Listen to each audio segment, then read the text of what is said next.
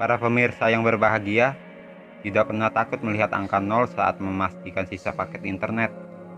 Tak akan pernah bisa.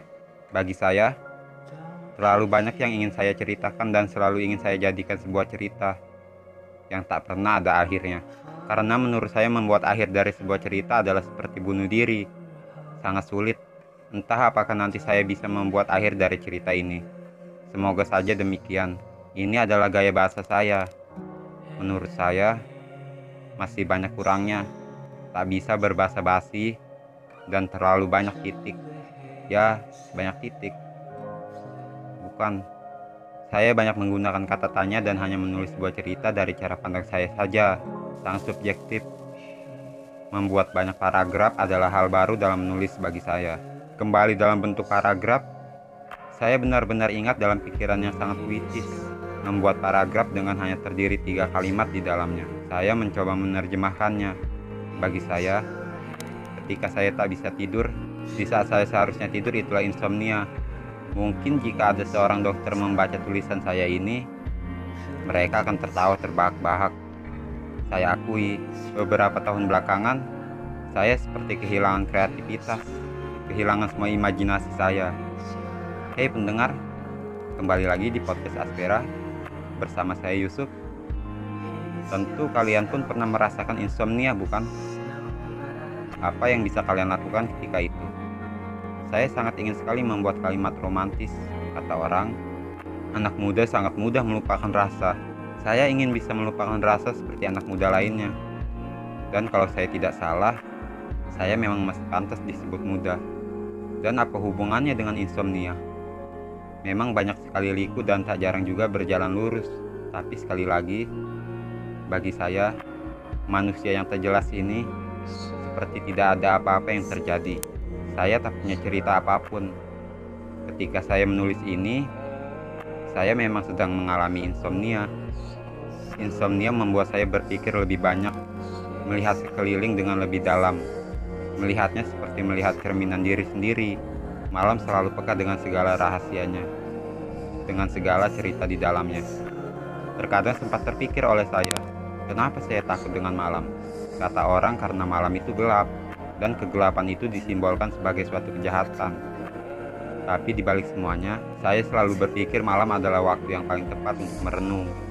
Saya selalu takjub dengan kesunyiannya, begitu hening dan menenangkan. Walau bagi saya masih saja ada unsur ketakutan di dalamnya, lupakan saya. Saya memang manusia yang tak jelas. Dan tulisan ini yang kusebut sajak sangat memaksa. Memang tak ada hal menarik di dalamnya. Kalian pun harus memakluminya. Karena penulisnya pun bukan penulis yang jelas. Insomnia adalah pengumpan besar. Itu akan memberi makan pada segala jenis pemikiran. Termasuk memikirkan tentang tidak berpikir. Pukul 3 lewat 18 menit, waktu kutuliskan postingan ini, ya kalian tahu bagaimana kondisi saya. Ada untungnya juga terjangkit insomnia. Kita jadi punya waktu ekstra untuk menonton film-film drama. Ibu kota negeri insomnia adalah kamar saya ini.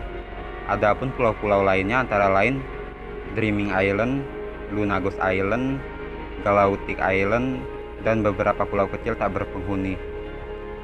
Saya balik-balik halaman buku sang sejarawan masih menceritakan seorang perempuan muda yang bercerita tentang kisah pengalaman diceritakan oleh ayahnya dalam upaya pengejaran riwayat Dracula di mana kisah tersebut ternyata merupakan kisah yang diceritakan oleh perempuan tersebut pada waktu sudah tua. Malam yang syahdu ini memang waktu yang baik untuk dapat menuliskan kalimat-kalimat panjang demi mengarungi malam nan gemilang yang sepertinya akan berlangsung panjang juga. Maka adakah kiranya seorang dua orang dari kalian yang akan merenggut nikmatnya insomnia seperti diri saya saat ini dan menanti datangnya waktu tidur nanti. Pada saat saya menyadari bahwa kondisi saya telah membaik, tanpa sadar saya telah kehilangannya. Tiba-tiba ia menghilang, tetap tanpa mengucap sepatah kata pun. Dia pergi meninggalkan saya bersama kediamannya, dan saya tak pernah tahu kapan dia kembali. Saya pun tak pernah mengharapkannya untuk kembali. Namun saya selalu berterima kasih akan kedatangannya. Karena kedatangannya mengajari saya untuk lebih bersyukur. Saya memanggil sahabat saya itu dengan sebutan kesepian. Dengan tertatih, ia menyulam debu-debu sepi yang kian rindang. Mungkin engkau bahagia seperti bertemu dengan ingatan yang usang, terbaring seperti ibu yang menunggu di rumah besar, berharap anak-anaknya segera pulang sebelum senja datang dan matahari menghilang di gelap langit.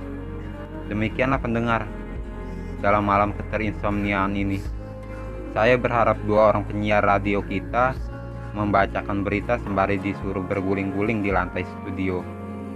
Sekian, sampai jumpa lagi di episode selanjutnya.